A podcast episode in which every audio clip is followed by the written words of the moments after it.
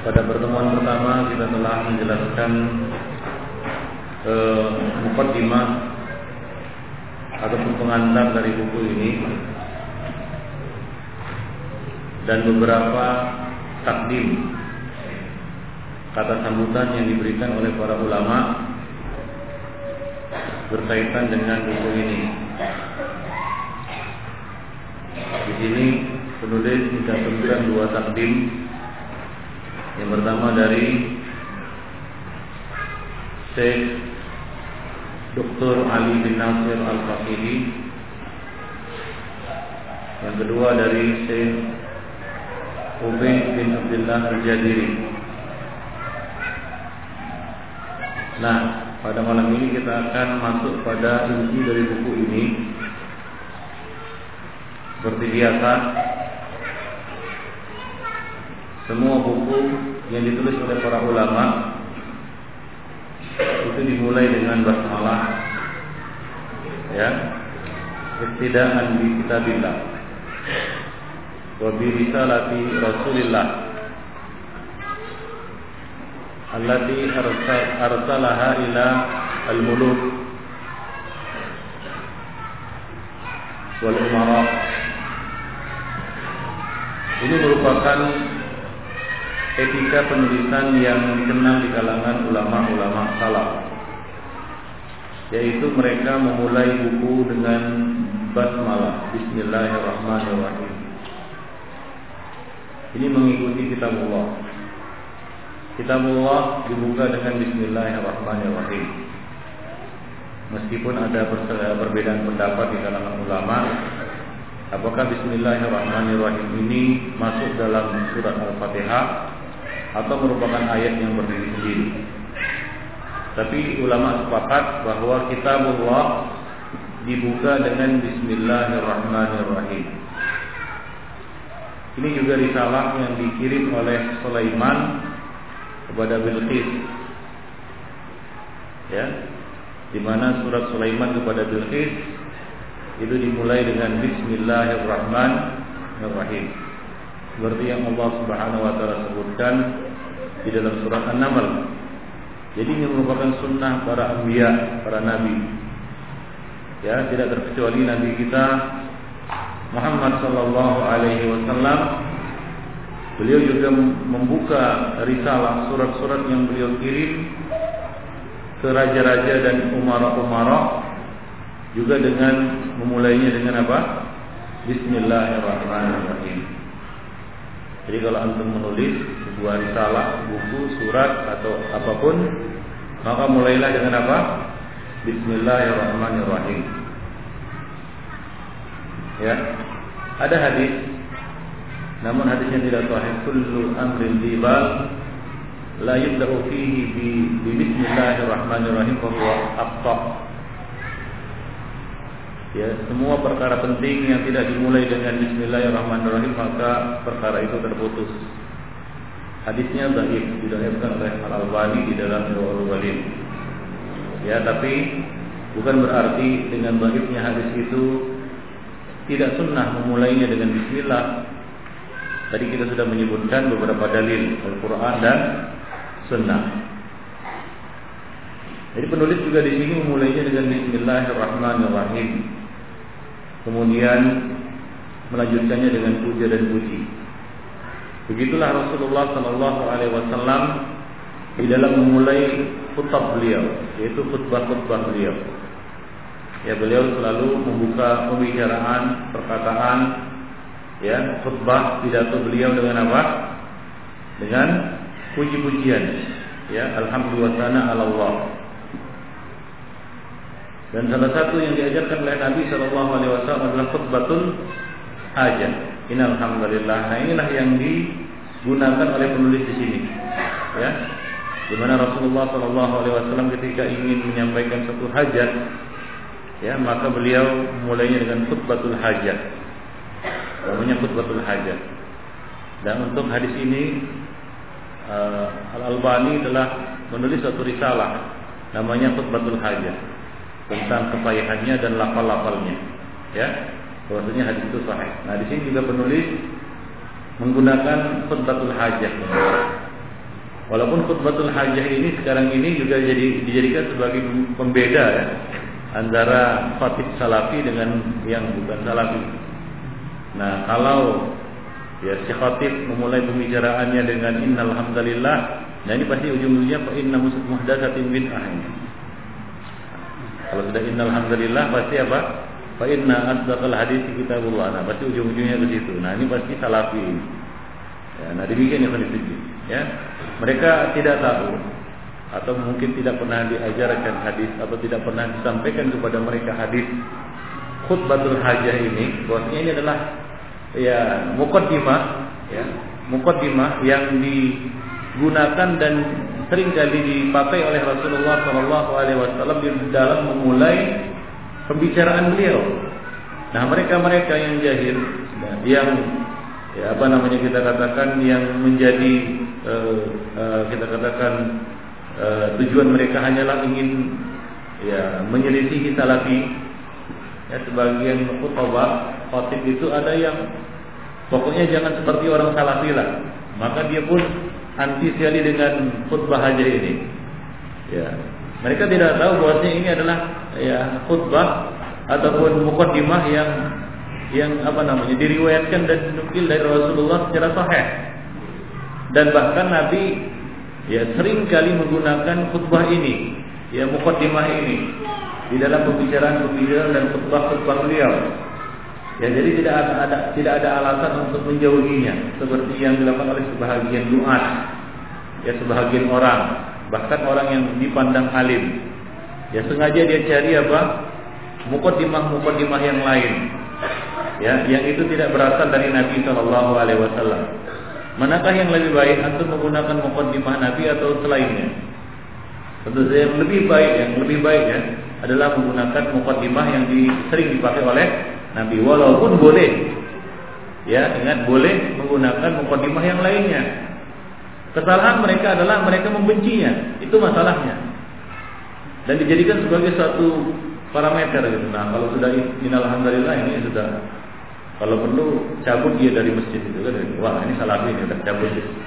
Ujung-ujungnya ini pasti nyalah-nyalahkan dan bicara bid'ah ini, bicara sesat, ini sesat, itu sesat dan seterusnya. Nah, jadikanlah ini sebagai satu apa namanya ukuran. Nah, tolak ukur Allah iya Tapi walaupun demikian, pandangan masyarakat atau sebahagian orang, segelintir orang terhadap mukaddimah ini janganlah kita meninggalkannya. Ya, tapi kita wajib menjelaskan kepada umat bahwasanya ini mukaddimah adalah mukaddimah yang maksur, maksurah. Oleh karena itulah Syekh membuat buku khusus untuk mukaddimah ini. Karena itu bukan hanya di sini ya. Ya, di, dijauhinya mukaddimah ini bukan hanya di sini. Di luar juga banyak uh, kaum muslimin yang jahil tentang mukaddimah ini. Maka perlu kita hidupkan lagi ya perlu kita apa namanya uh, kita apa namanya kita sebarkan dan kita hidupkan di tengah-tengah kaum muslimin ya dengan sering-sering menggunakannya ya dengan sering-sering menggunakannya. Khususnya di tempat-tempat yang mereka memang tidak tahu. Ya perlu difamiliarkan lagi di tengah-tengah mereka di tengah-tengah masyarakat. Demikian ya azan ya Allah sebagian orang ada yang beranggapan Ya, wah saya kan cuma sekedar pembawa acara atau bicaranya kurang penting dalam anggapannya. Ya, atau masalah-masalah yang kecil katanya. Hingga dia segan menggunakan mukadimah ini. Ada sebagian orang kalau bukan ustaz segenlah, tapi alhamdulillah kayak mau ceramah aja katanya. Kan begitu. Ada juga sebagian orang yang menghindarinya bukan karena apa? Bukan karena apa-apa, tapi karena segan. Nah kalau sudah alhamdulillah itu, wah ini pasti ya Ustadz ini bicaranya hebat ini. Hingga untuk perkara-perkara yang ya kita katakan ya biasa ya, misalnya membawa sebuah acara, membuka sebuah acara, dia segan menggunakan ini. Ya kita katakan Ibn bahwa Nabi mengajarkan ini ketika apa? Khutbah nikah. Untuk urusan nikah, Nabi menggunakan khutbah ini ataupun mukadimah ini. Itu masalah nikah. Demikian juga masalah-masalah muamalah lainnya ya atau membuka acara di kantor ataupun di rumah ataupun di mana saja bukan hanya untuk membuka taklim seperti anggapan sebagian orang Wah ini kan bukan taklim, ini kan cuma acara keluarga saja. Masa pakai alhamdulillah kayak formal saja katanya. Ya kita katakan jangan berpandangan seperti itu, ya. Apalagi pada saat ini, pada hari ini, sunnah ini, ya, sunnah mukaddimah ini uh, langka dan uh, apa namanya menjadi sesuatu yang asing di telinga kaum muslimin. Jadi perlu kita uh, apa namanya kita uh, sebarkan ya, kita hidupkan kembali di tengah-tengah kaum muslimin. Baik. Innal hamdalillah nahmaduhu wa nasta'inuhu wa nastaghfiruhu wa nastaghfiruhu wa natubu wa na'udzu min shururi anfusina wa min sayyiati a'malina.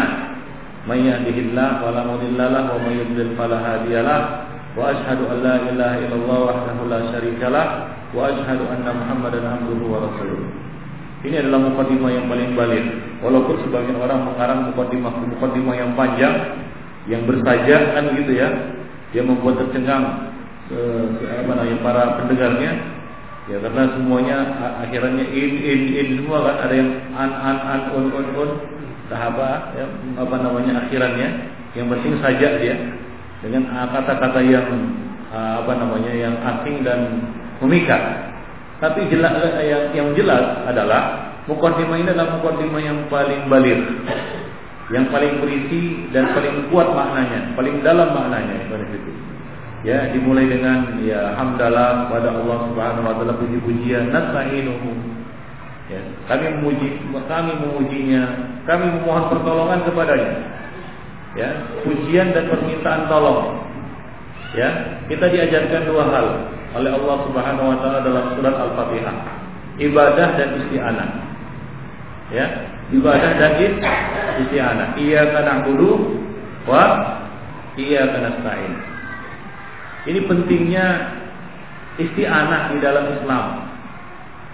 Ya, dia dikhususkan penyebutannya dari sekian banyak jenis-jenis ibadah. Ibadah banyak bentuknya. Ya. Salat ibadah. Bukan dari demikian. Puasa ibadah, haji ibadah, zikir ibadah, jihad ibadah. Banyak ibadah.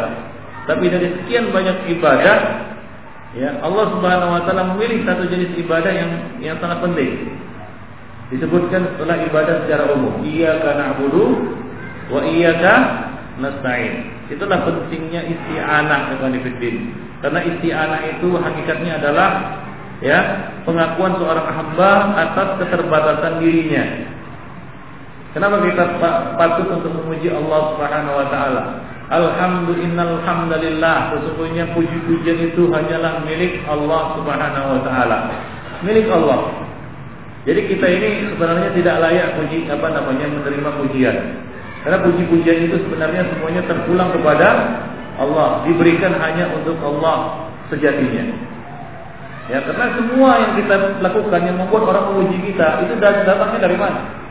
Dari Allah Subhanahu wa taala. Makanya ketika kita membaca ya, ketika kita membaca alhamdulillahirabbil alamin di dalam salat, gugurkanlah ya dalam diri kita ya penyakit gila pujian. Ya, ya. Sebagaimana yang dikatakan oleh orang Arab, pepatah Arab, fokus zuhur, taksimut zuhur. Gila popularitas termasuk di dalamnya gila pujian itu dapat membinasakan seseorang. Seseorang bisa binasa dengan pujian. Maka Nabi Shallallahu Alaihi Wasallam ibaratkan pujian itu seperti penyembelihan. Ya, penyembelihan. Kenapa? Karena bisa membuat orang itu lupa daratan, lupa diri. Ya, nah demikian. Nah, ketika dia membaca Innal hamdalillah Sesungguhnya puji-pujian itu hanyalah milik Allah. Sejatinya hanyalah milik Allah Subhanahu wa taala. Kita makhluk ya tidak pantas untuk menerimanya sebenarnya. Kalaupun kita menerimanya mimbabil bisyarah, semuanya sebenarnya terpulang kepada Allah Subhanahu wa taala. Karena yang membuat kita dipuji oleh orang itu ya, misalnya apa? keahlian kita, ya ketampanan kita, kecantikan kita, atau apa pun yang kita miliki itu dari dari mana datangnya? Berasal dari mana? Dari siapa itu? Dari Allah Subhanahu wa taala. Nah, kita memujinya ya, dengan ketinggian sifat-sifatnya, nama-namanya, bahwasanya dia adalah tempat bergantung semua makhluk. Maka dari itu nasta'inu. Sepatutnya kita apa? Meminta pertolongan kepadanya. Ya, isti'anah. Jadi isti'anah itu hakikatnya adalah ya pengakuan seorang hamba atas keterbatasan dirinya, atas kerendahan dirinya, bahwa dia tidak punya kuasa apa-apa, dia tidak punya kekuatan apa-apa. Kalau tidak mendapat pertolongan dari mana? Dari Allah Subhanahu wa taala. Ibadah apa pun tidak akan bisa kita lakukan.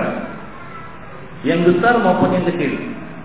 Kalau bukan pertolongan dari Allah Subhanahu wa taala. Ya, jadi semuanya ya seperti yang disebutkan dalam hadis uh, Mu'ad bin Jabal ketika dia bertanya kepada Nabi Shallallahu alaihi wasallam tentang amalan yang dapat memasukkannya ke dalam surga. Ya, ini masuk surga. Maka Nabi mengatakan innahu layasirun liman yassarahullah. Itu adalah mudah bagi orang-orang yang dimudahkan oleh siapa? Oleh Allah Subhanahu wa taala. Nah, jadi kita membutuhkan pertolongan dari Allah Subhanahu wa taala dalam semua urusan kita. Jadi dengan mukadimah ini seolah-olah kita ingin mengingatkan diri kita sendiri dan mengingatkan para pendengar hadirin bahwa apa pun yang akan kita lakukan, apa pun yang akan kita bicarakan, apa pun yang kita inginkan dan ingin kita kerjakan tidak akan bisa terlaksana dengan baik tanpa pertolongan i'anah dari Allah Subhanahu wa taala. Ya, jadi kita membutuhkan i'anah dan inayah dari Allah Subhanahu wa taala, bantuan dan pertolongan dari Allah Subhanahu wa taala.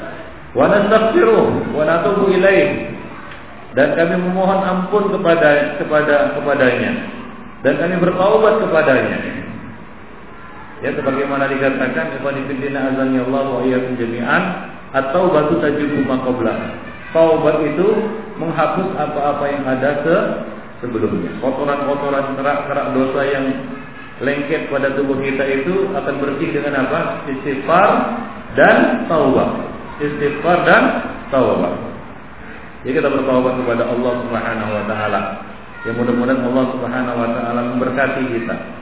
Memberkati amal kita, memberkati hidup kita, ya memberkati keluarga kita, memberkati langkah kita dan semua yang kita lah lakukan konfidin. Azan ya Allah Sebagaimana dikatakan bahwa istighfar dan taubat itu akan mendatangkan rahmat, ya akan mendatangkan rahmat dan menghapus kemarahan Allah Subhanahu wa taala, menghapus ya kemarahan Allah Subhanahu wa taala. Artinya apa?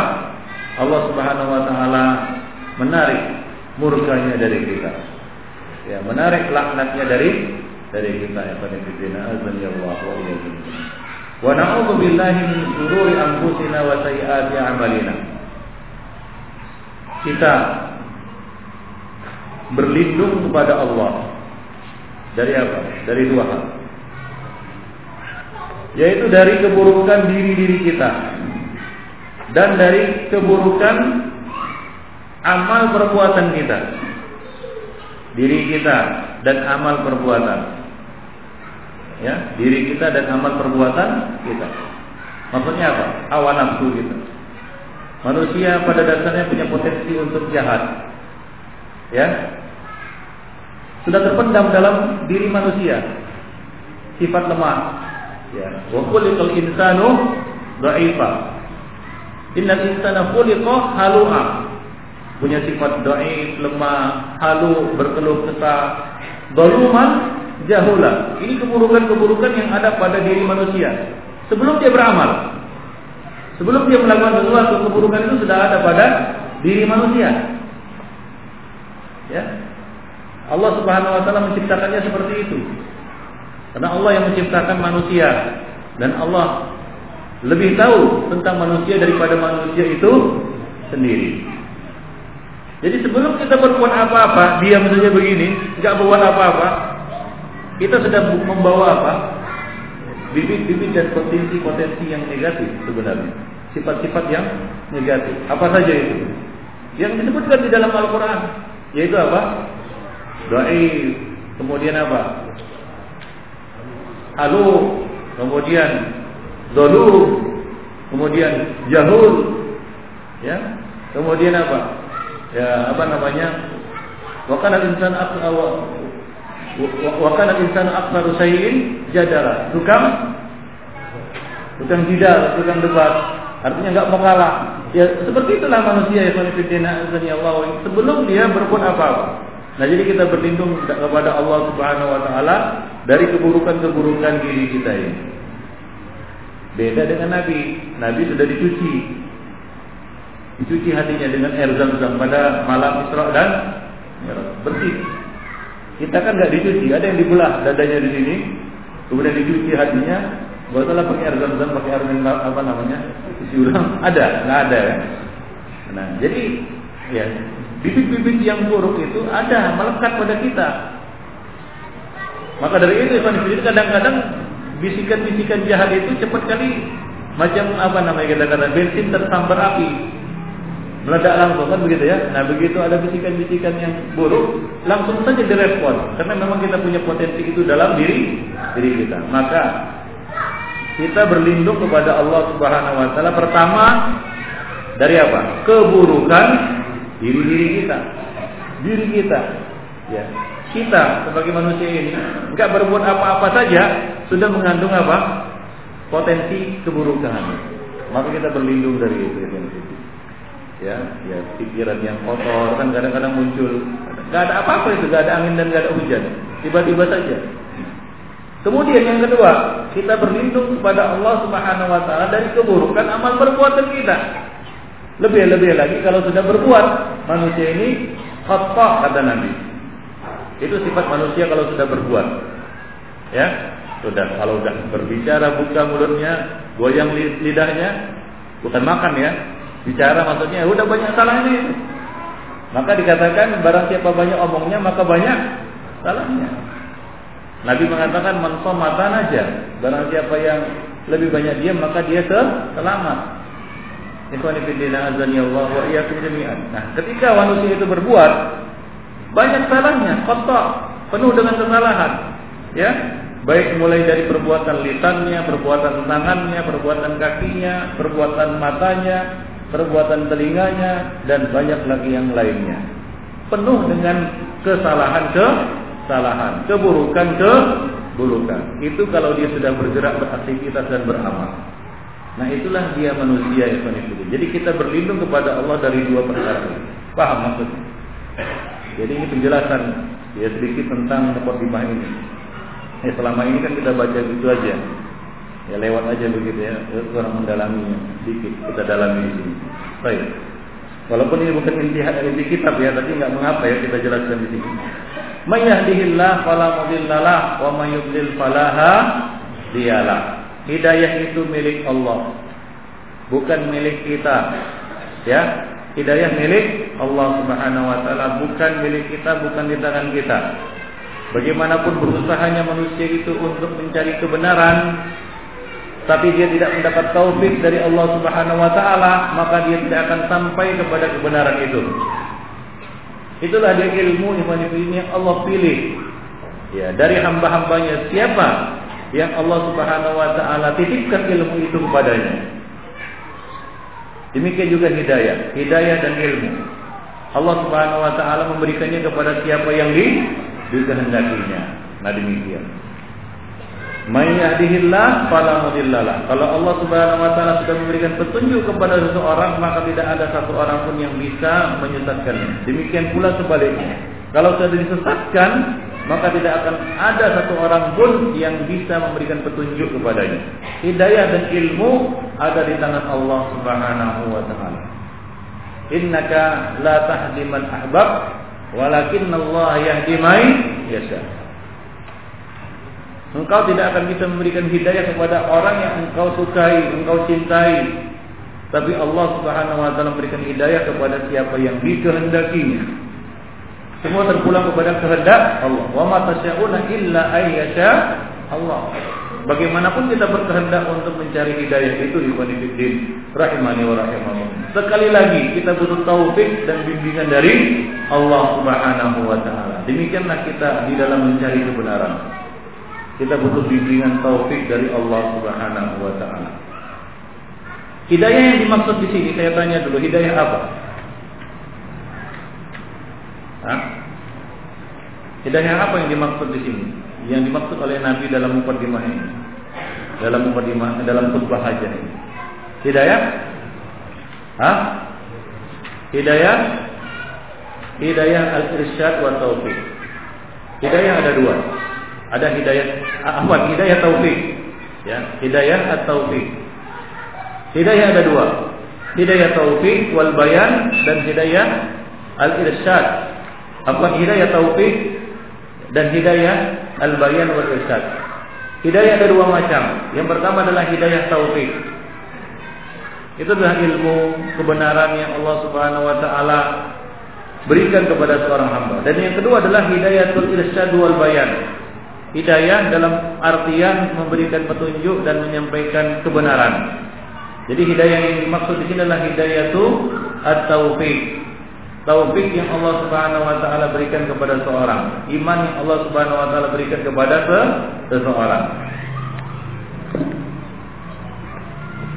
Wa ashhadu an la ilaha illallah wahdahu la syarikalah wa ashhadu anna Muhammadan abduhu wa rasuluh. Ini adalah kita katakan uh, persaksian seseorang ya senantiasa dia mengulang memperbanyak persaksiannya ya atas tauhidnya la ilaha illallah dan persaksian ya syahadatul risalah wa asyhadu anna muhammadan abduhu wa rasuluh.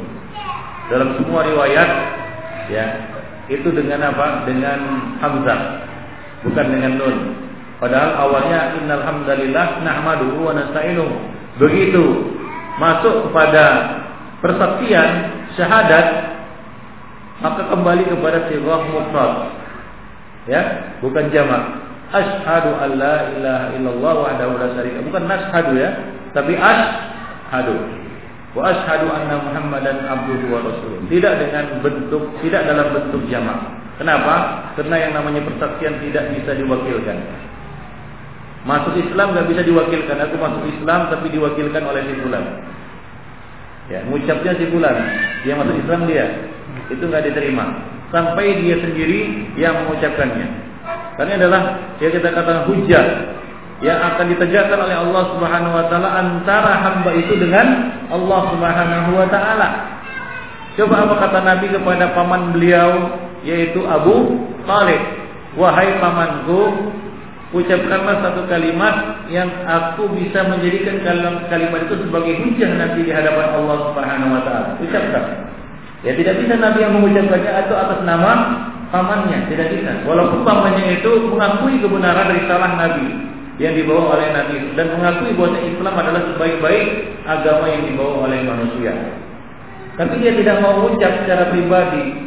Ya, dia tidak mau ucap, dia tidak mau mengatakan asyhadu alla ilaha illallah, maka keislamannya tidak diterima walaupun pengakuannya sudah ada.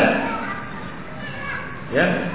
Nah, demikian yang kami azani Allah wa iyyakum. Jadi Nabi sendiri tidak bisa mewakilkan pamannya untuk mengucap dua kalimat syahadat. Nah, ya. Dalam sejarah kan demikian.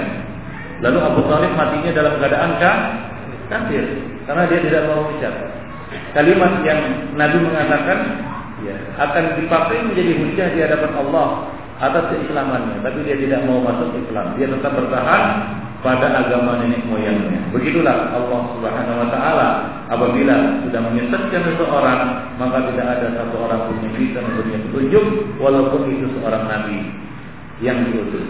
Hamba yang paling dekat dengan Allah Subhanahu wa taala. Maka ikhwan di dalam hidayah ini faktor doa tidak boleh diremehkan. Ya, kita membimbing anak-anak kita, ya kita mengajak manusia kepada agama Allah. Mintalah kepada Allah Subhanahu wa taala agar membuka pintu hati mereka untuk menerima hidayah dan ilmu tersebut. Karena yang memiliki hati mereka adalah Allah. Yang membuka hati mereka adalah Allah Subhanahu wa taala. Bukan kita yang memberikan hidayah kepada mereka. Sebagai orang dengan congkak dan sombongnya mengatakan, kalau bukan aku kamu tidak dapat hidayah. Ini adalah kata-kata yang sangat-sangat keliru di kita hanya memiliki kemampuan dan kewajiban untuk menyampaikan hidayatul al-bayan wal. Kita cuma mubalik, kita cuma menyampaikan apa kata Allah Subhanahu wa taala berkenaan dengan nabinya Muhammad sallallahu alaihi wasallam, "Innama al innama alaikal balagh wa alaina al Sesungguhnya cuma kewajibanmu hanyalah al-balagh. Nabi hanyalah mubalik yang menyampaikan hidayah itu ya yang menjelaskan hujah bayan kepada manusia. Hidayah tetap di tangan Allah Subhanahu wa taala. Maka dari itu, ketika Nabi berdakwah ke Taif, pernah dengar ceritanya Nabi berdakwah ke Taif? Ya, ketika perlindungan ya dari kaumnya dicabut ya setelah wafatnya Abu Talib tidak ada perlindungan tidak ada kabilah yang mau melindungi Nabi maka Nabi berdakwah ke Taif dan minta uh, orang-orang di sana atau kabilah di sana untuk melindungi beliau. Ya, uh, sembari beliau berdakwah ke sana. Ya. Tapi apa yang beliau temukan di sana? Apakah penduduk Taif menerima dakwah beliau? Tidak, menolak. Bukan hanya sekedar menolak, tapi menghinakan beliau. Dengan apa? Dengan menyuruh anak-anak kecil supaya melempari beliau dengan batu. Begitulah, hidayah bukan di tangan manusia sampai Nabi sendiri tidak bisa ya tidak kuasa untuk memiliki hati manusia menyampaikan hidayah ke dalam hati hati mereka Nabi cuma bisa berdoa ketika ditawarkan oleh malaikat penjaga gunung yang sudah dapat izin dari Allah Subhanahu wa taala untuk menimpakan gunung atas mereka atas penduduk Taif yang menolak dakwah beliau beliau mengatakan apa kata beliau Aku masih berharap. Ya, aku mohon kepada Allah. Aku berharap kepada Allah, mudah-mudahan anak cucu mereka ada ya, orang-orang yang menyembah Allah Subhanahu wa taala. Mudah-mudahan anak cucu mereka mendapat hidayah kepada Islam. Nah, itu harapan Nabi, doa Nabi untuk penduduk Taif. Dan apa yang beliau katakan terjadi.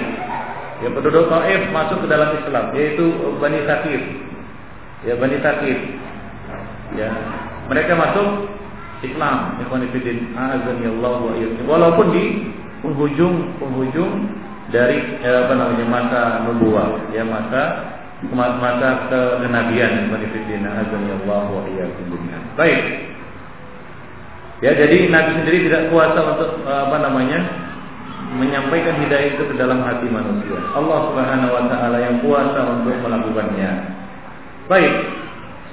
Maka hindarilah kata-kata yang penuh dengan ya apa namanya kita katakan bernada ya kita katakan kesombongan dan itu kita khawatir merebut hak Allah Subhanahu wa taala dengan mengatakan kalau bukan karena aku dia masih preman itu. Karena katakan seperti itu. Aku yang berinya hidayah. Itu kata-kata yang harus dihindari, bukan itu. Ya, nah demikian. Baik. Yang memberi hidayah Allah Subhanahu kita hanya menunjuki orang itu, ya, membuka jalan untuk mereka kepada mereka. Baik. Nah, kemudian Nabi membacakan tiga ayat, ya, dari tiga surat. Yang pertama surat Ali Imran ayat 10, eh, ayat 102, kemudian surat An-Nisa ayat 1 dan surat Al-Ahzab ayat 70 sampai 71. Ya ayyuhalladzina amanu taqullaha haqqa tuqatih wala tamutunna illa wa antum muslimun. Tentunya pemilihan ketiga ayat ini memiliki makna tersendiri Yang pertama ya, ya perintah untuk apa? Takwa dan jangan mati, jangan sekali-kali mati kecuali dalam keadaan muslim. Ya, dalam keadaan apa? Muslim. Ini mengingatkan kita bahwasanya Rasul Amri al Islam. Ya, dasar atas fondasi dari semua urusan adalah Islam. Maka janganlah sekali-kali kamu mati kecuali dalam keadaan muslim. Kemudian yang kedua, Ya ayuhan nas, ittaqu rabbakum alladzi khalaqakum min nafsin wahidah wa khalaqa minha zawjaha wa bassa minhuma rijalan katsiran wa nisaa'a wattaqullaha alladzi tasaaluna bihi wal arham innallaha kana 'alaikum raqiba. Ini mengingatkan kita kejadian kita, ya kita min nafsin wahidah dari satu jiwa, ya kita dari Adam semuanya dari Adam Ya. Kemudian Allah Subhanahu wa taala mengembangbiakkan manusia laki-laki dan perempuan. Itulah asal usul manusia. Semuanya diperintahkan untuk takwa kepada Allah Subhanahu wa taala yang telah menciptakan kita ya dari nafsin wahidah, dari satu jiwa, ikhwan fillah. Rahimani wa rahimakumullah. Baik. Kemudian ayat yang ketiga, ya ayyuhalladzina amanu taqullaha wa qulu qawlan sadida. Ini mengingatkan kita ya kepada hadis Muaz juga ya ketika Nabi sudah menjelaskan tentang rukun Islam yang lima, kemudian Nabi menjelaskan uh, Abu Abul Khair ya mulai dari apa? As-saum, as-saumu junnah, ya puasa itu perisai, kemudian apa? As-sadaqatu fi'ul al-khati'ah, sedekah itu bisa memadamkan uh, menghapus dosa-dosa dan kesalahan-kesalahan sebagaimana air memadamkan api kemudian apa salatu uh, lail ya. Salatul rajuli fi jawfil lail. Salatnya seseorang pada malam hari. Nah kemudian setelah itu semua ya setelah rukun Islam dan amal-amal yang bisa ya mendekatkan kita ke surga ada satu perkara yang tidak kalah penting. Nabi mengatakan ala adulluka ala milaki dzalika kulli maukah aku aku tunjukkan kepadamu aku beritahu kepadamu hai Muhammad kunci dari semua itu apa? Apa? Apa yang dilakukan Nabi? Apa apa tapi lisanihi Nabi memegang li lisannya dan mengatakan kufa alaika ada jagalah olehmu lisan. Karena banyak manusia tersungkur masuk ke dalam neraka akibat apa?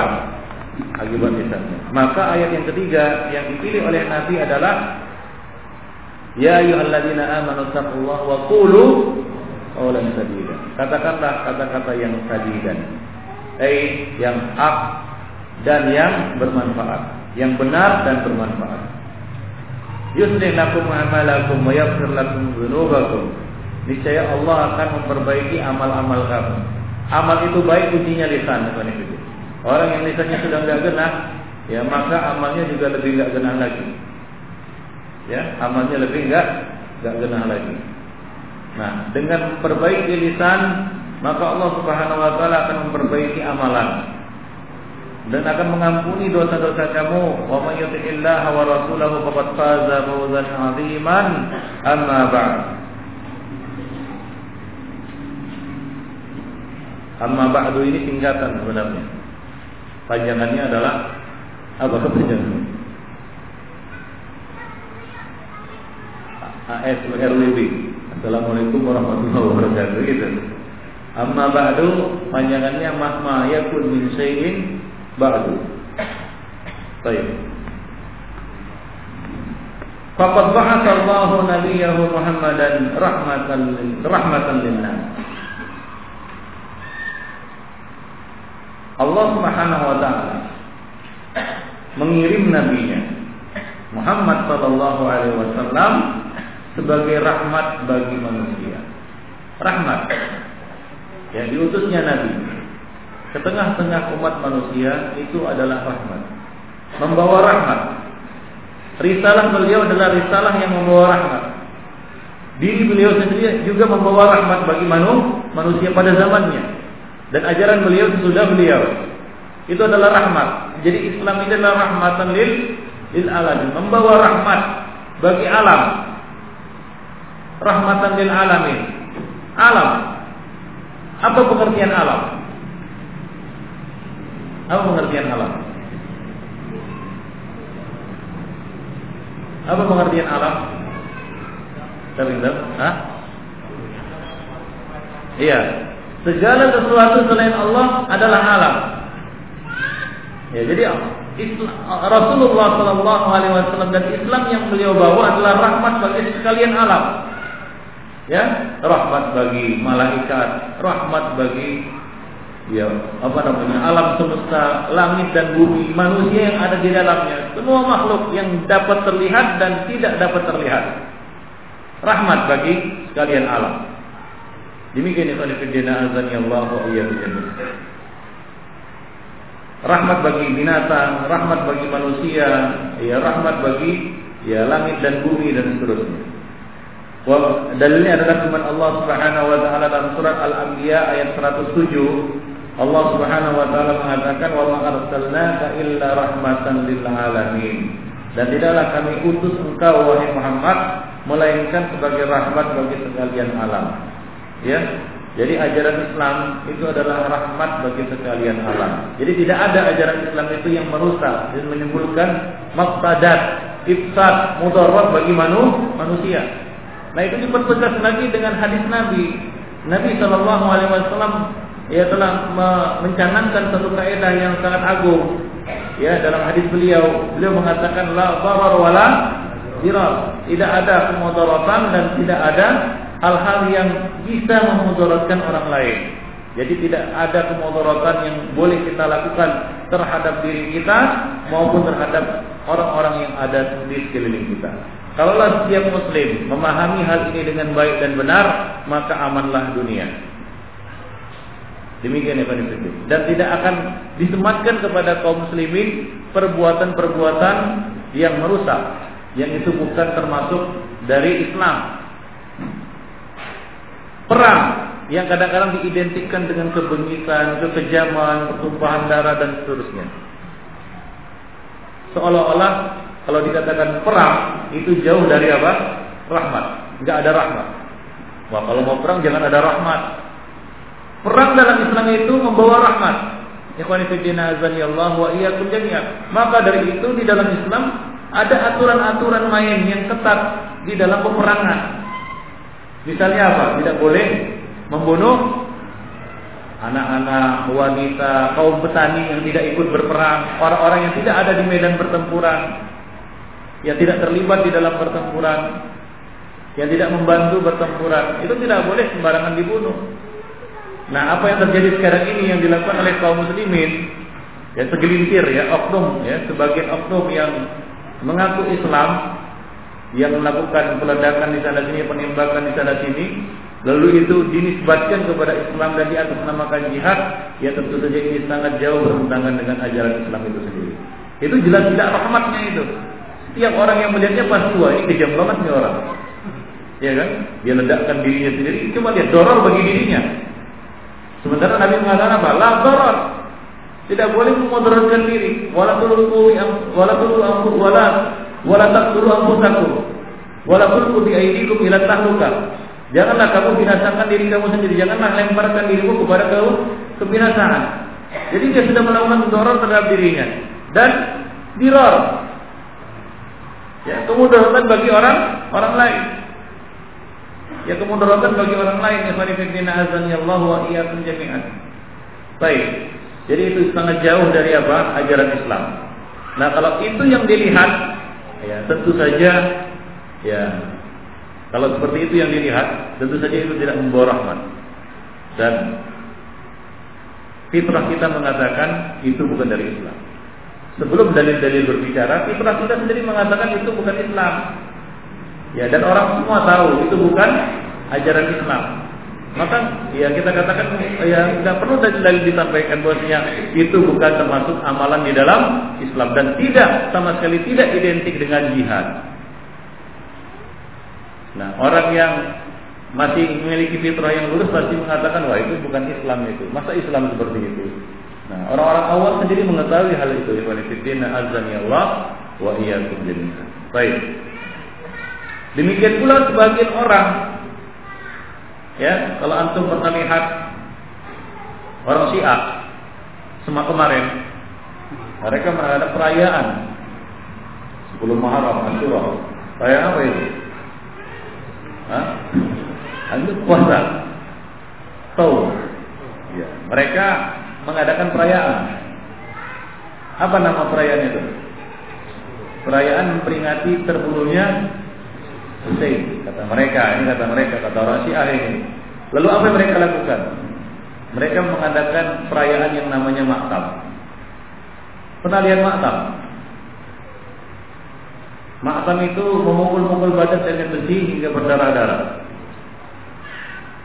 Ya memukul badan dengan besi hingga ber berdarah-darah nggak mati tapi ada juga yang mati itu sudah saya lihat sendiri itu di Jelem. Ya, bagaimana mereka pukul-pukul dengan pisau. Nah, itu ada tingkatannya itu. Kalau masih pemula, pisaunya tumpul. Kalau udah tingkatan yang apa namanya, yang expert, yang lebih tinggi itu tajam-tajam, sudah berdarah-darah. Nah, kalau yang masih anak-anak pakai kayu, pisau kayu. Nah, orang kafir atau orang muslim yang melihat pasti mengatakan ini di mana rahmatnya? Katanya Islam rahmatan lil alamin. Di mana rahmatnya orang badan dipukul-pukul seperti itu dan mati? Bukan dia kepal pakai jin kan begitu ya seperti yang dilakukan oleh Buddha Lutfi. Itu ada itu disediakan ambulan itu khusus. Ya, mereka keliling kota kan? Mereka keliling kota. Nah, nah kalau ada yang pingsan apa itu dimasukkan ke ambulan dilarikan. Nah, sebagian ada juga yang mati. Nah, kalau orang muslim melihatnya, dia akan mengatakan, ini di mana rahmatnya Islam? Ya badan bagus bagus dipukul-pukul berdarah-darah. Nah, jelas ya pasti ya kita mengatakan itu bukan dari dari Islam yang Karena Islam adalah rahmatan lil lil alam. Ajaran Islam adalah ajaran yang membawa menyebarkan ya kasih sayang dan rahmat bagi sekalian alam. Demikian yang Rahimani rahimakumullah. Karena Nabi kita adalah Nabiul Nabiul Rahmah. Itu satu sifat yang sangat agung. Ya. Kaum muslimin adalah rahmat bagi semua manusia. Terlebih bagi ahli sunnah adalah rahmat bagi seluruhnya. Ya maka ya, Syekhul Islam Ibnu Taimiyah pernah mengatakan ya ahli sunnah berjamaah adalah adalah kelompok adalah manusia yang arhamuhum bil khalqi Orang yang paling rahim, rahmah kepada manusia. Yang tidak ditemukan pada ahli bid'ah. Coba lihat ahli bid'ah. Yang sering menimpakan keburukan. Yang ya apa namanya mencitrakan keburukan kepada Islam dan kaum muslimin itu ahli bid'ah. Ya mereka mengkafirkan orang yang tidak sependapat dengan mereka, kemudian mereka menumpahkan darahnya. Ya, kemudian mereka membunuh orang-orang yang tidak bersalah, kan begitu ya? mereka apa namanya menyiksa diri mereka sendiri. Itu semua muncul dari bid'ah dan ahli bid'ah yang rahimani wa rahimakumullah. Jadi yang benar-benar melaksanakan ayat ini dan merupakan perwujudan dari ayat ini adalah setelah Nabi dan para sahabat adalah ahlu ahlu sunnah. Maka Ibnu Taimiyah mengatakan yang benar-benar menjadi rahmat bagi sekalian alam itu adalah ahlu sunnah karena mereka adalah arhamuhum bil khalqi wa alamuhum bil bil. Mereka orang yang paling rahim kepada manusia dan paling mengerti tentang kebenaran. Allah wa Jadi ajaran Khawarij itu jauh dari rahmat. Ajaran Sufi ya jauh dari rahmat. Bayangkan. Ya, ada yang apa? Ada yang nggak makan, nggak minum tujuh hari tujuh malam. Di mana rahmatnya itu? Ada yang meninggalkan istri dan keluarganya sampai berbulan-bulan. Di mana rahmatnya? Kan begitu ya. Jadi nggak ada rahmat kecuali pada ahlu ahlu sunnah. Nah, ahlu sunnah lah yang menyebarkan rahmat dan menampilkan rahmat ini ke tengah-tengah manu, manusia. Jangan berharap menunggu ahli bid'ah untuk menampilkan rahmat ini kepada manusia. Gak akan bisa ya menifidin. Azan ya Allah wa Walaupun mereka menampilkan sebagian, tapi mereka menut, apa namanya menutupi sebagian lainnya atau menunjukkan ya, bentuk yang lain pada sebagian lain. Baik. Wajah ala ummatahu ummatan wasata dan menjadikan umat beliau adalah umat yang wasatan, umat yang pertengahan, umat yang berdiri di tengah. Karena kebenaran itu adalah wasat, yang namanya kebenaran itu adalah wasat. Keadilan. Adil dikatakan adil, timbangan yang adil, artinya timbangan yang sama rata. Ya tidak apa namanya tidak berat sebelah. Kalau berat sebelah dinamakan timbangan yang tidak adil. Ya. Kebenaran adalah keadilan. Ya, oleh karena itu sering diidentikan kebenaran itu dengan apa ke keadilan. Menuntut kebenaran, yaitu menuntut ke keadilan. Nah, umat Muhammad adalah umat yang wasatan. Karena mereka berdiri di tengah di antara umat-umat yang lainnya. Ya, dan ahlu sunnah adalah kaum yang wasat. Ya, kelompok yang wasat, yang bertengah di antara kelompok-kelompok Islam lainnya dari kalangan ahli bid'ah wal ahwa. Allah Subhanahu wa taala mengatakan dalam surah Al-Baqarah ayat 143. Wa kadzalika ja'alnakum ummatan wasatan litakunu syuhada 'alan nas wa yakuna ar-rasulu 'alaikum shahidan. Demikianlah kami jadikan kamu umat yang wasat, yaitu umat yang berdiri tegak di atas kebenaran, zahirina 'alal haq. Apa? Zahirina 'alal haq yang berdiri di atas al-haq. Itulah dia makna dari wasat. Ya tidak yang diluna anil haq, tidak menyimpang dari kebenaran. Litakunu syuhada 'alan nas, agar kamu menjadi saksi-saksi atas manusia. Ya, bahwasanya Islam telah disampaikan.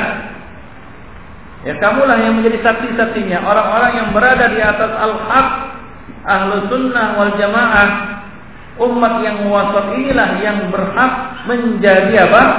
Saksi-saksi atas manusia. Dikatakan saksi-saksi atas manusia adalah yang berhak untuk menyampaikannya kepada manusia. Mereka adalah umanah orang-orang yang amanat pemegang amanat untuk menjadi saksi disampaikannya Islam ke tengah-tengah umat manusia. Kalau ditanya mana persaksiannya Ya, bagaimana persaksiannya bahwasanya Islam sudah disampaikan kepada kita? Dari mana? Siapakah yang yang berhak menyampaikan Islam ini kepada manusia dengan sebenar-benarnya? Ahli bid'ah. Apakah Allah Subhanahu wa taala akan mengangkat mereka menjadi saksi-saksi atas manusia ya, atas kebenaran yang telah Allah Subhanahu wa taala turunkan melalui nabinya? Tidak, seperti fillah azani Allah wa iyyakum jami'an. Tapi ahlu sunnah lah yang Allah subhanahu wa ta'ala pilih menjadi syuhada alanya. Saksi-saksi atas manu, manusia. Wa takuna wa yakuna rasulu alaikum syahidan dan rasul menjadi saksi atas atas kalian. Nah ini mengingatkan kita kepada hadis Nabi Ya, satu ketika eh, selesai sholat maghrib, hadis Abu Musa al Ashari di dalam Sahih Muslim, ya Nabi Shallallahu Alaihi Wasallam berkata kepada para sahabat, Nabi menenggadahkan wajahnya ke langit, ke atas, melihat bintang-bintang dan mengatakan, ya, ana amanatun li ashabi. Ya, uh, Nabi mengatakan an-nujum Nabi menengadakan uh, wajahnya ke langit dan mengatakan kepada para sahabat melihat bintang-bintang dan beliau mengatakan an-nujum amanatun lis sama. Bintang-bintang itu adalah pengaman ya bagi langit. Itulah tanda bumi apa namanya? alam belum kiamat. Ya, bumi belum kiamat, dunia belum kiamat. Masih ada bintang-bintang di atas itu. Ya kalau bintang-bintang sudah berjatuhan, selesailah perkara. Selesailah. Ya, terjadilah hari hari kiamat. Ya, datanglah hari kiamat. Apabila bintang-bintang itu ber, berguguran, berjatuhan. Nah, an-nujum kata Nabi, amanatun sama. Tanda bumi dunia belum kiamat ada ada bintang-bintang di atas itu, pengaman dia. Masih aman kita. Bangunlah pagi apa namanya malam-malam coba lihat bintang, masih ada nggak dia di atas? Kalau masih ada, bintang masih di atas, masih aman. Ya, maka Nabi mengatakan amanatun sama, pengaman bagi langit. Langit belum runtuh lagi karena bintang masih ada di sana. Ya. Fa idza dhahabatin nujum jika bintang-bintang itu sudah pergi, sudah runtuh, sudah jatuh, ata alat samai ma adul ma Tuhan. Maka akan datanglah apa yang telah dijanjikan atas langit yaitu langit akan runtuh. Jadi bintang-bintang itu ya diumpamakan seperti tiang-tiang penyangga langit ya Allah wa ini adalah satu perumpamaan yang dibuat oleh Nabi Shallallahu Alaihi Wasallam untuk dirinya dan para sahabatnya dan orang-orang yang berjalan di atas manhaj mereka. Apa kata Nabi? Ana amanatun di ashabi. Aku adalah pengaman bagi sahabat-sahabatku. Fa'idza dhahabtu ana ata ala ashabi ma yu'adun. Jika aku telah pergi artinya wafat, maka akan datang atas atas sahabat-sahabatku apa yang telah dijanjikan atas mereka. An Nawawi menafsirkannya yaitu apa? Al-qatl. Dibunuh. Pertumpahan darah. Dan itu yang kita saksikan. Ya setelah Rasulullah Shallallahu Alaihi Wasallam wafat dan setelah pintu terbuka, pintu itu adalah Umar, maka terjadilah apa yang terjadi di dalam sejarah kita mengetahui bagaimana sebagian orang-orang zindik munafikin ya apa namanya mengadu domba ya memprovokasi dan mengadakan ifsad di tengah-tengah kaum muslimin ya dibunuh terbunuhlah beberapa orang sahabat ya seperti misalnya Ali bin Abi Thalib, Utsman bin Affan, Ali bin Abi Thalib dan ya banyak lagi sahabat-sahabat yang terbunuh Zubair bin Awam ya uh, kemudian Talha dan seterusnya.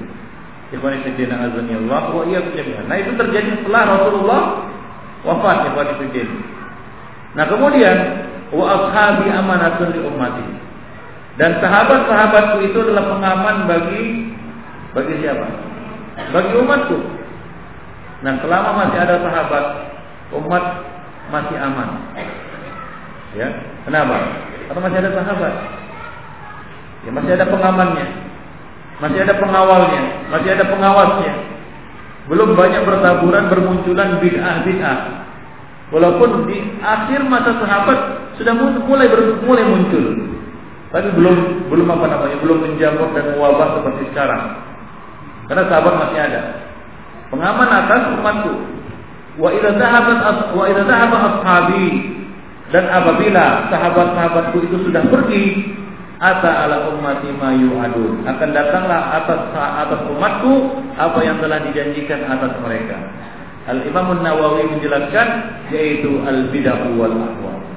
Al iftira, perpecahan, bid'ah, hawa nafsu dan seterusnya.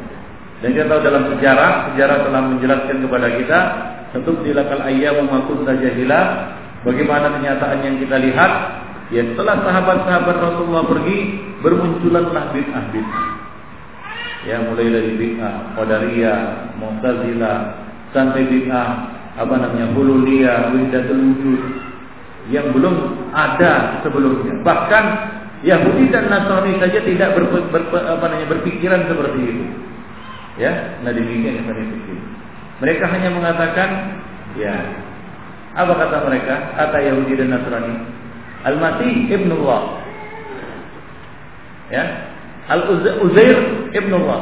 Kata mereka, ya kata Yahudi dan Nasrani, ya Nabi Isa itu putra Allah. Satu dari yang tiga, tiga dari yang satu, terinwal. Demikian juga orang Yahudi mengatakan Uzair yaitu Nabi seorang apa, hamba yang soleh adalah putra Allah. Ta'ala Allah amma yakuluna uluwan kabira. Orang-orang sufi apa yang mereka katakan? Nah ini terjadi sudah sahabat Rasulullah wafat. Mereka katakan Allah Subhanahu wa taala bisa menitis pada semua benda. Bahkan anjing dan babi yang dilihat adalah Allah Subhanahu wa taala. Ini lebih kejam sebenarnya, lebih buruk dan lebih sesat lagi dari apa yang dikatakan oleh orang-orang Nasrani. Orang Nasrani hanya mengatakan Allah bisa menitis pada orang tertentu, hamba dan itu pun nabi kan begitu ya. Nah, demikian juga Yahudi. Nah, orang sufi lebih sesat lagi. Apa kata mereka? Allah Subhanahu wa taala bisa menitis pada semua benda. Beda tuh manunggaling kaulah lebih sesat lagi panifidina azan ya Allah wa jami'an. Sebagaimana kemusyrikan yang terjadi sekarang ini ya lebih parah lagi daripada kemusyrikan yang yang ada dan terjadi pada masa Nabi yang dilakukan oleh orang-orang musyrik pada masa Rasulullah Shallallahu Alaihi Wasallam. Nah, itu semua terjadi kapan? setelah sahabat-sahabat Nabi wafat dan pergi ibadah itu. Azani Allah wa Baik. Jadi ya Rasul adalah saksi atas kamu. Ya, Rasul adalah saksi atas bahwasanya Nabi telah menyampaikan risalah. Ya, tidak ada satupun risalah yang beliau sembunyikan. Ya, tidak ada satupun ajaran yang beliau tidak sampaikan. Ya, ballaghal amanah wa adda risalah Beliau telah menyampaikan amanah dan telah menyampaikan semua risalah Islam. Tidak ada satupun yang tertinggal. Ya, tidak ada satupun yang tertinggal. Fillah azani Allah wa iyyakum jami'an. Lupa disampaikan oleh Nabi. Ya atau sengaja beliau sembunyikan seperti yang dikatakan oleh orang-orang Syiah bahwa ada yang disembunyikan oleh Nabi yaitu apa? Al-imamah. Ini adalah ajaran besar yang dibawa oleh orang-orang Syiah. Mereka mengatakan ada satu hal yang belum disampaikan oleh Nabi. Yang disembunyikan oleh Nabi apa itu? Al-imamah. Maka rukun Islam di kalangan Syiah itu ada lima. Yang kelima bukan haji apa? Al-imamah. Meyakini bahwa imamah itu adalah hak Ali bin Abi Thalib. Ini semacam satu permainan dan satu hal yang ya kita katakan untuk menyentil sentimen ya supaya manusia itu bisa menerima kata-kata mereka, menunjukkan seolah-olah mereka cinta kepada ahli al-bait, padahal sebenarnya menjerumuskan. Di, di kalangan orang-orang Syiah bahkan sampai ada orang yang menuhankan Ali bin Abi Thalib dan Ali uh, radhiyallahu anhu menghukum mereka dengan membakar mereka walaupun diprotes oleh sebagian sahabat seperti Ibnu Abbas radhiyallahu anhu yang menyampaikan kepada Ali bin Abi Thalib bahwa la yu'adzib binnar illa rabbun. Tidak boleh mengazab dengan api kecuali apa? Ya, Rabb yang menciptakan api. Ala kulli hal, Ali bin Abi Thalib sendiri radhiyallahu anhu tidak merestui dan tidak apa membenarkan ucapan mereka ikhwan Baik. Ai maksudnya adalah udulan la yamiluna anil haq la ila ghuluwin wala ila jafa bal yatawassatun wa ya'tadilun. Yaitu adul udul. Yaitu kaum umat yang udul. Artinya apa la yamiluna anil haq tidak menyimpang dari kebenaran sebagaimana ya, eh, agama beliau disifati sebagai agama yang hanif. Ya, agama yang hanif. Kenapa agama ini disebut agama yang hanif? Karena agama ini ya'diluna 'anil syirki. Ya, ya yaitu menyimpang dari apa? Syirik. Ila tauhid kepada tauhid. Menjauh dari syirik kepada at-tauhid. Jadi la yamiluna anil haq yaitu tidak menjauh dari kebenaran. Ya, tidak menjauh dari kebenaran, tidak menyimpang dari kebenaran. Baik itu kepada sikap gulu yaitu berlebih-lebihan melampaui batas wala ila jafa. Al jafa artinya meremehkan dan mengabaikan, menganggap enteng dan memandang sebelah mata. Mengabaikan. Sikap mengabaikan. Nah, ahli bid'ah itu tidak lepas dari dua hal ini. Kalau tidak hulu, japa. Kalau tidak kita kata ifrat, tafrid. Baik itu di dalam bab asma wa sifat maupun di dalam bab iman. Contohnya di dalam bab iman. Ya, Al-Khawarij mengatakan pelaku dosa besar kekal di dalam neraka, kafir. Kekal dalam neraka. Al-Murji'ah mengatakan apa? Ini jafa, Ya, ini ini apa namanya? At-tafrid. Mereka mengatakan pelaku dosa besar imannya sama seperti iman Abu Bakar. Yang satu mengatakan pelaku dosa besar kafir keluar dari Islam. Ya. Coba lihat di ini namanya bulu, ini namanya ifrat, dan ini namanya jafa alias tafrid. Baik. Iz dinul Islam qad naha 'anil ghuluwi wal jafa' wa amara wa amara bit tawassut wal umuri kulliha. Allah Subhanahu wa taala juga telah melarang ahli kitab dari sikap gulu. Ya ahlal kitab, la taghlu fi dinikum, la taghlu fi dinikum wa la wa la illa al-haq. Wahai ahli kitab, janganlah kamu gulu di dalam agama kamu dan janganlah kamu katakan kecuali al-haq tentang Allah Subhanahu wa taala. Dinul Islam qatnaha 'anil ghulu wal jafa. Agama Islam telah melarang dari sikap ghulu berlebih-lebihan dan jafa, yaitu sikap mengabaikan. Dan memerintahkan untuk bersikap tengah dan adil di dalam semua urusan. Di dalam semua urusan. Dalam ibadah juga demikian. Enggak boleh berlebih-lebihan. Allah Subhanahu wa taala telah mewajibkan kepada kita salat lima kali sehari semalam. Lalu anda katakan watai mau mengerjakan lima puluh kali sebagaimana kewajiban awal. Ini namanya hulu.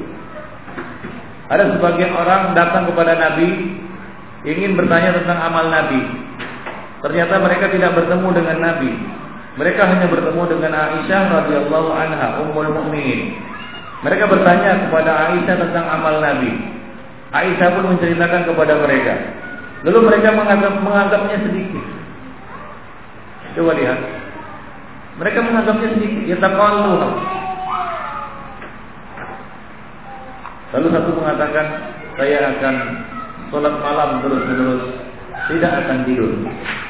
Yang satu mengatakan, saya akan berpuasa terus-menerus, tidak akan berbuka. Itu tiada hari tanpa puasa. Tiap hari puasa. Itu maksudnya. Atau maksudnya adalah berpuasa terus tanpa tanpa berbuka, langsung ditampung dengan puasa pada hari esoknya. Tanpa sahur dan tanpa berbuka. Dan yang satu mengatakan aku akan menjauhi wanita, tidak akan kawin-kawin. Ya, maka apa kata Nabi? Apa kata Nabi? Ma balu aqwam yaquluna kadza wa kadza. Mengapa ada orang yang berbicara begini begini begini? Sungguh aku adalah orang yang paling takwa, yang paling takut kepada Allah, yang paling tahu tentang Allah Subhanahu wa taala. Maksudnya apa? A'lamukum billah. Aku orang yang paling tahu tentang Allah. Itu tentang apa yang membuat Allah ridha dan apa yang membuat Allah murka. Aku berpuasa dan aku juga berbuka. Aku sholat, aku juga tidur dan aku menikahi wanita. Paman raqib an sunnati falaysa minni. Nah demikian itu. Jadi kita dilarang bersikap berlebih-lebihan. Nabi melihat ada seorang wanita ya, ada seorang wanita yang bersandar pada tali, ya, Ya, Nabi melihat tali terbentang di dalam masjid. Lalu bertanya, ini tali punya siapa? Lalu dikatakan punya si Fulana. Untuk bersandar apabila mengerjakan sholat malam.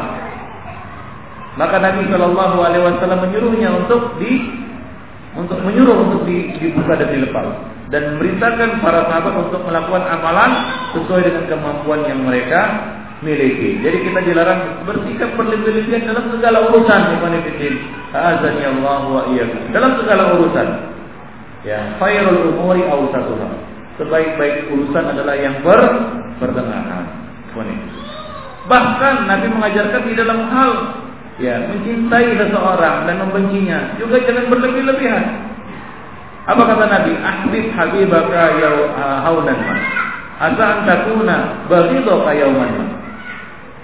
Cintailah orang yang kamu cintai itu sekedarnya saja. Ya, jangan berlebih-lebihan.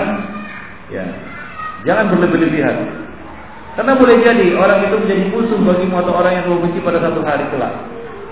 Wabrid baghidaka yaum haunan ma. Bencilah orang yang kamu benci, ya. Sewajarnya saja. Boleh jadi dia akan menjadi orang yang paling kamu suka di kemudian hari kelak. Demikian ikhwan fillah rahimani wa Jadi dalam hal membenci dan mencintai itu tidak diperintahkan untuk tawassul.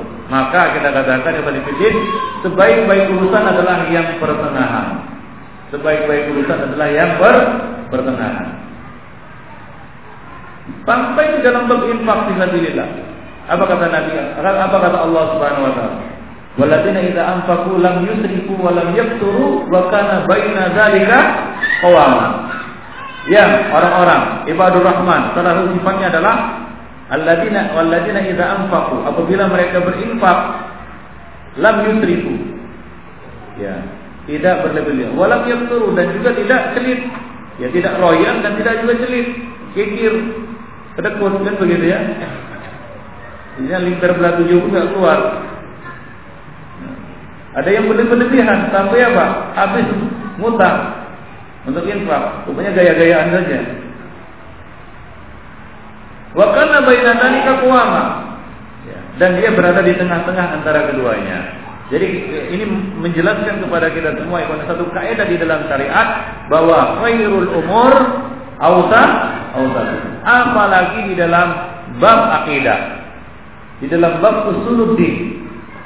Ya, dan ayat ini menjelaskan kepada kita dalam uh, dalam bab usuluddin kaum muslimin ya, berada di tengah antara Yahudi dan Nasrani. Antara Yahudi dan Nasrani.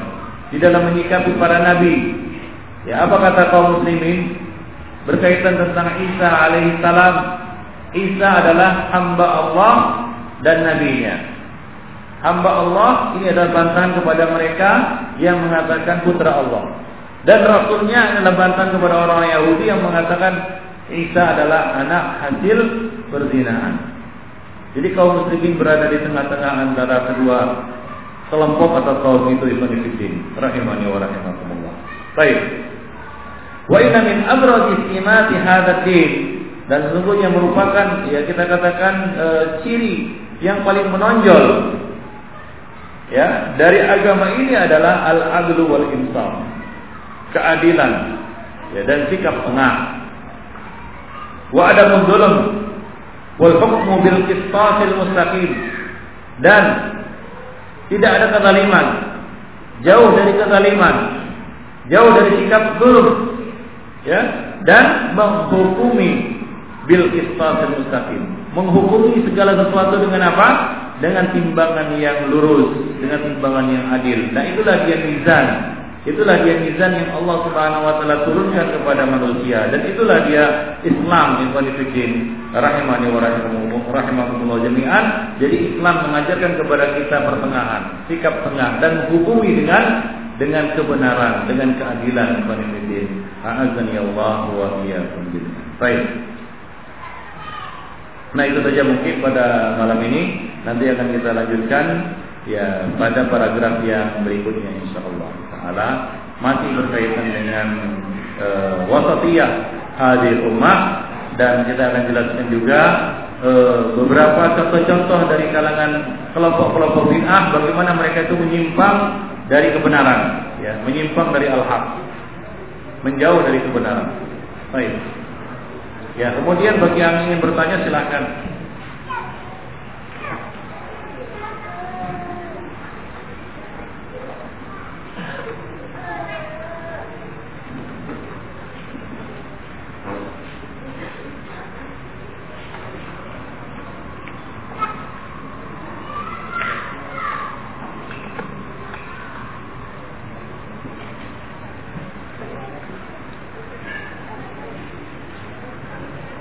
Ini buku dipegang semua. Ada yang aslinya. Santri buku asli semua pegang. Yang bukan santri juga boleh pegang buku asli kalau ngerti sedikit-sedikit bahasa Arab. Buku terjemahannya juga sudah ada itu. Yang mana ini ya? Itu. Ya, ada yang ingin tanya, silakan. Ya, masalah apa saja yang bisa dijawab kita jawab.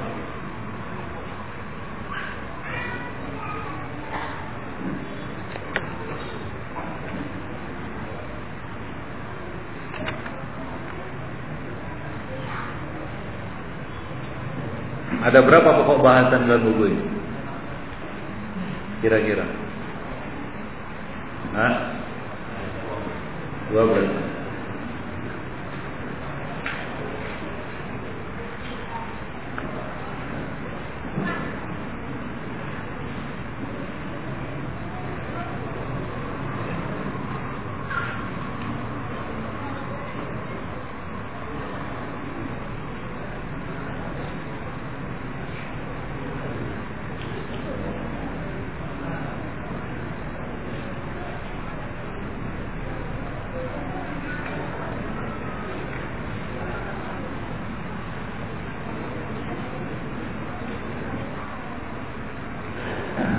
Ada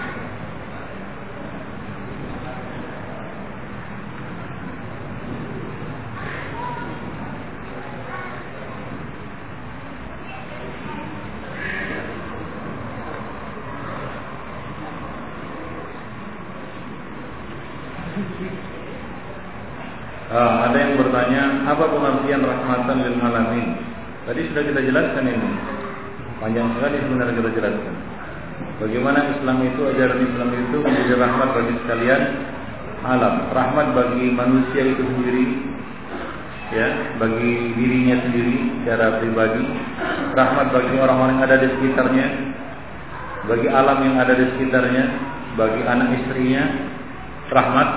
Ada orang Islam yang tidak jadi rahmat bagi dirinya sendiri. Ada.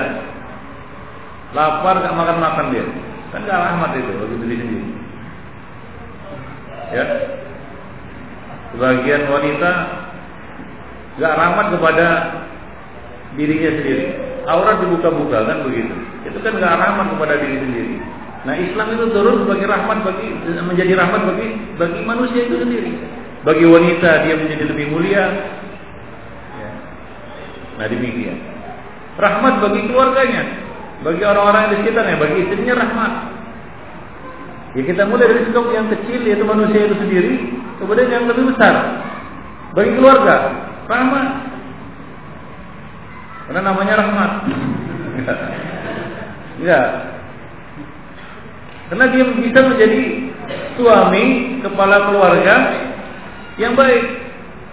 Kalau dia istri menjadi istri yang yang baik. Rahmat dia bagi orang yang ada di sekitarnya. Rahmat bagi suaminya, rahmat bagi istrinya kalau dia, dia kebetulan suami.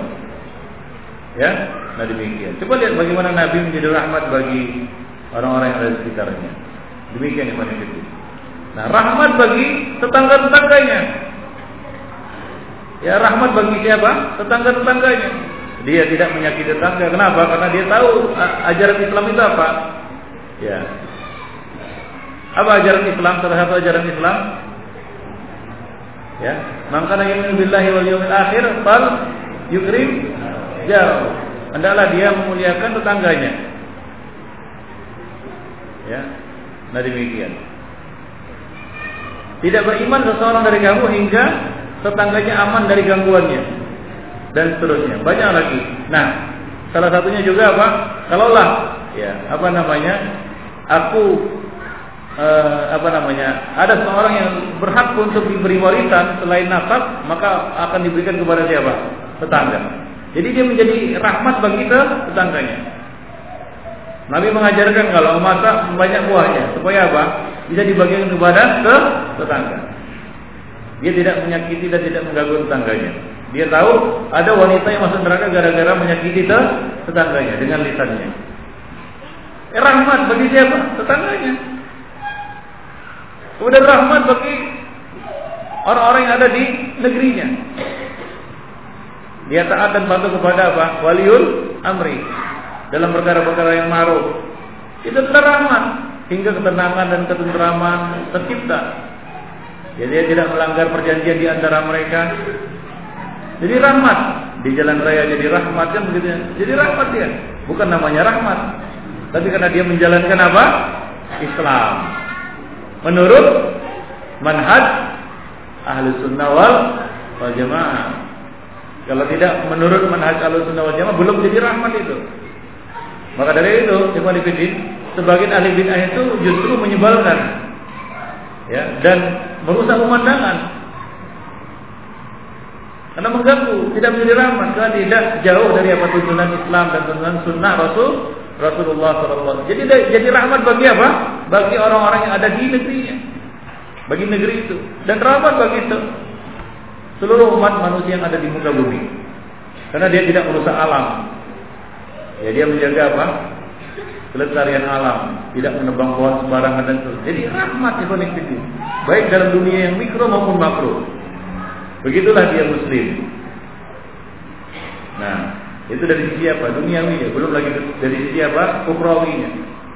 Karena ibadahnya, karena tauhidnya, karena apa namanya akhlaknya, dia jadi rahmat bagi alam seluruhnya. Ya, Dengan tauhidnya Allah tercegah apa namanya kemurkaan dan kemarahan Allah atas satu kaum karena tauhid.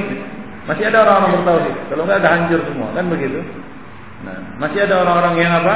Soleh beribadah. Hingga hujan masih turun.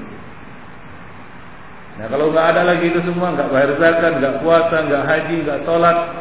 Nah kalau bukan karena hewan ternak, hujan itu tidak akan turun di mana Jadi rahmat dia. Hujan turun karena ya. Jadi dalam sisi muamalah bainan nas maupun muamalah ya dengan Allah Subhanahu wa taala seorang muslim itu menjadi rahmat bagi semuanya. Itu dia.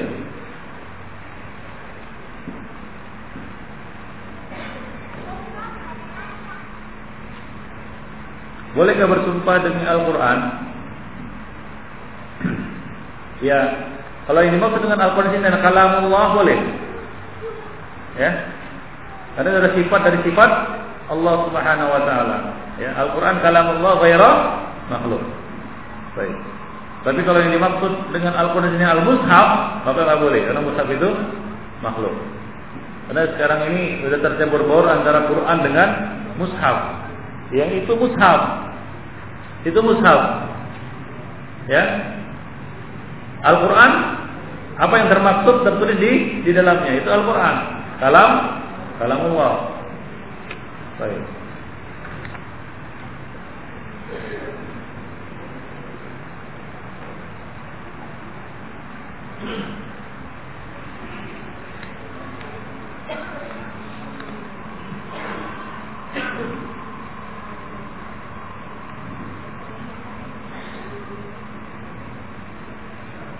Mengapa sebagian orang bid'ah dapat meningkatkan ketakwaan kepada Allah Subhanahu wa taala? Kalau pertanyaannya mengapa, maka karena kejahilannya. Jelas. Karena kejahilannya dia tidak tahu mana racun dan mana mana madu dan mana mana racun seperti itu. Dia anggap racun itu menyembuhkan penyakitnya. Ya. Walaupun sebagian racun kalau dimakan gak mati kontan dia, besok-besoknya baru mati kan begitu. Ya seperti itulah orang yang menelan bid'ah mengamalkan bid'ah. Ah kayaknya nggak apa-apa kok. Kayaknya tambah dekat kepada Allah. Kayaknya kan begitu ya. Seolah-olah dia merasa bertambah dekat kepada Allah. Mazda ma, ma, ma izahada qaumun fi bid'atin illa zada min Allah bu'dan ya perkataan para ulama tidak ada satu orang atau satu kaum bersungguh-sungguh dalam melakukan bid'ah melainkan dia akan bertambah jauh dari Allah Subhanahu wa taala. Jadi dengan perbuatan bid'ah itu dia akan semakin jauh dari Allah Subhanahu wa taala, bukan bertambah dekat. Sama seperti orang minum racun. Ya, minum apa namanya racun dengan anggapan racun itu bisa mengobati penyakitnya. Ya. Boleh jadi ya, penyakitnya itu sembuh tapi dia mati karena racun. Ya. Mati karena apa? Keracunan. Bukan mati karena apa? Karena kanker. Misalnya dia kanker, dia minum racun. Dia bukan mati karena kanker, tapi mati ke racunan. Apa maksudnya? Dia pening, dia flu, minum racun. Dia mati karena flu atau karena apa namanya? Karena flu atau karena racun? Ya karena racun bukan karena flu-nya. Jadi dia tidak bisa mengobati penyakit, malah justru membinasakan. Nah demikian pula lah eh, wanita bid'ah dia tidak bisa meningkatkan ketakwaan seseorang kepada Allah Subhanahu wa taala. Bahkan bertambah jauh seperti yang kita sebutkan.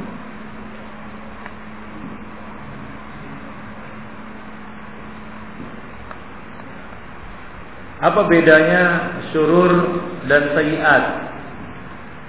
Syurur syar ya, itu adalah bentuk jamak dari syar. Syarrun adalah kejelekan dan keburukan. Kalau diterjemahkan ke dalam bahasa Indonesia, itu artinya hampir sama-sama saja. Keburukan, kejelekan. Syar adalah satu yang melekat. Ya, pada sesuatu. Sesuatu itu dikatakan syar. Karena pada hakikatnya dia memang buruk. Paham?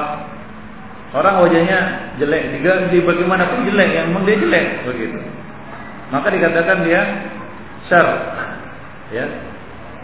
Maka kita ber, e, berlindung kepada Allah Subhanahu min apa?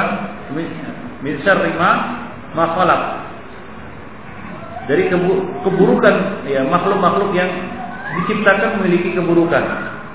Jadi keburukan syar adalah satu yang melekat pada sesuatu, dikatakan syar. Ya, memang syar, ada padanya. Adapun sayiat ini adalah ya ditujukan kepada perbuatan dan amalan. Perbuatan dan amalan dikatakan sayyi. Amalnya sayyi. Ya, akhlaknya sayyi. Dia punya akhlak yang sayyi. Dia punya amal yang sayyi, tidak syar. Dia punya akhlak yang syar, tidak. Tapi dia punya tabiat yang sifat yang syar, iya. Nah, lebih kepada apa namanya satu yang maknawi, syar itu. Nah, adapun sayiat kepada satu yang lahiriah nampak, perbuatan dan seterusnya. Wallahu. Apa hukumnya minum kopi? Ini pertanyaan ngajak minum kopi atau nanya hukumnya gimana? Kopi ikhwan fiddin sesuatu yang diciptakan oleh Allah Subhanahu wa taala di muka bumi ini asal hukumnya apa? Wa khalaqalakum ma fil ardi jami'an. Hukum asalnya mubah. Ya. Makanan, minuman termasuk perkara-perkara yang bukan ibadah, ya.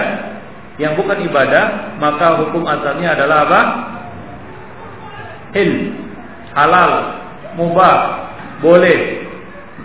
Tidak boleh diharamkan kecuali ada dalilnya. Begitu juga kopi ini, tidak ada dalilnya Nabi mengharamkan kopi. Oh Ustaz bisa memudaratkan dan lain sebagainya. Itu adalah sifat lain. Ya, yang perlu dibuktikan secara ilmiah bahwasanya memang memudaratkan seperti misalnya barang-barang narkotika obat-obatan apa namanya e, terlarang ya ya. Yang memang jelas secara ilmiah kedokteran dibuktikan memang mau memudaratkan. Barulah dilarang karena sifat tersebut ikhwan ya ganja misalnya opium misalnya. Diharamkan kenapa? Karena sifat yang ada padanya yaitu dia bisa memabukkan. Bisa memabukkan saya tanya dulu minum kopi memabuk atau enggak Hah? Orangnya ini minum kopi mabuk atau tidak?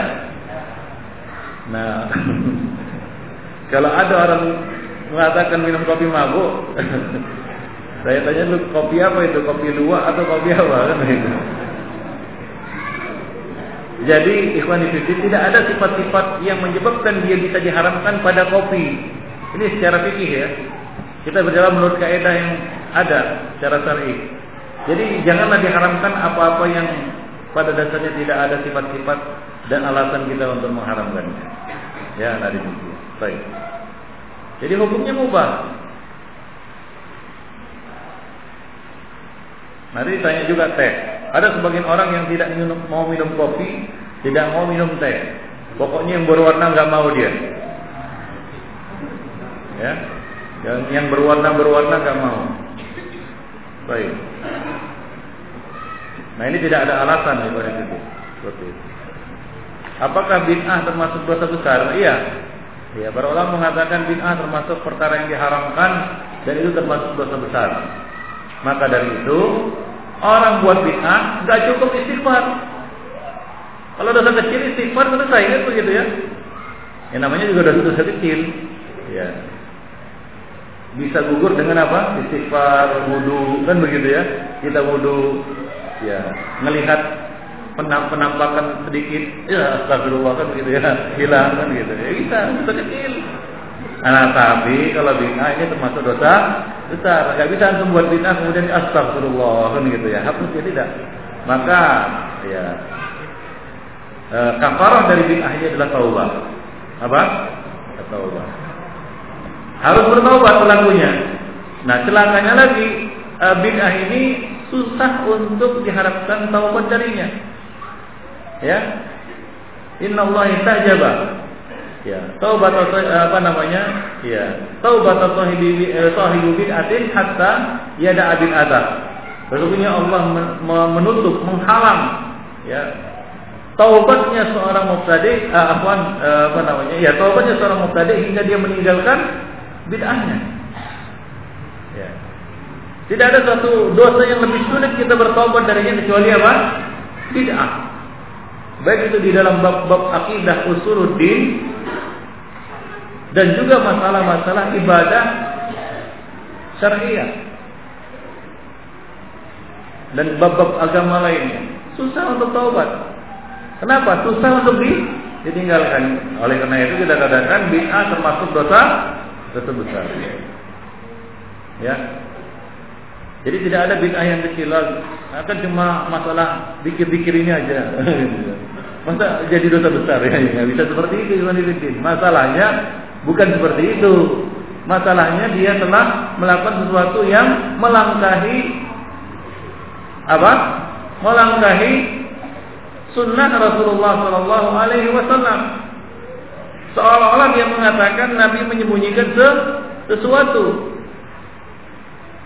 Nabi mengkhianati risalah. Ya, orang yang melakukan bid'ah, man ibtada fil islami bid'atan faqad za'ama anna Muhammadan khana risalah. Barang siapa yang melakukan satu bid'ah di dalam Islam wa yaraha hasanah, dia pandang itu baik, maka sungguh dia telah mengklaim, dia menuduh bahwa Muhammad sallallahu alaihi wasallam telah mengkhianati risalah. Nah, itu adalah satu tuduhan yang apa? Keji. Ya. Nabi enggak mengajarkannya. Berarti Nabi tidak menginginkan apa? kebaikan atas umatnya. Padahal apa kata Nabi? Ma min syai'in yuqarribukum ilal jannah illa qad amartukum bih. Tidak ada satu perkara pun yang mendekatkan kalian ke surga melainkan telah aku perintahkan. Dan tidak ada wa ma min syai'in yuqarribukum ilan nar illa qad nahaitukum an. Tidak ada satu perkara pun yang mendekatkan kalian kepada neraka melainkan aku telah melarang kalian darinya. Jadi tidak ada yang disembunyikan oleh Nabi Shallallahu Dan orang yang melakukan bid'ah hakikatnya dia telah menuduh Nabi menyembunyikan sesuatu. Nabi lupa menjelaskan wirid yasin hingga terpaksa harus dibuat bid'ah. Nah itu kan keji namanya. Jangan katakan bahwa itu kan cuma wirid-wirid saja, masa jadi dosa besar? Itu kan keterlaluan katanya ya. Ya tidak seperti itu cara berpikirnya Ibn Ibn Azan ya Allah wa Baik. Ya. Baik, Ikhwan Ibn sampai di sini dulu. Ya pertemuan kita pada malam ini mudah-mudahan ada manfaatnya bagi kita dan bagi saya terutama. Aku qouli hadza wa astaghfirullah li wa lakum muslimin innahu huwal rahim. Yang benar datangnya dari Allah dan yang yang salah dari saya dan dari. Subhanallah bihamdik, asyhadu an la ilaha illa anta wa.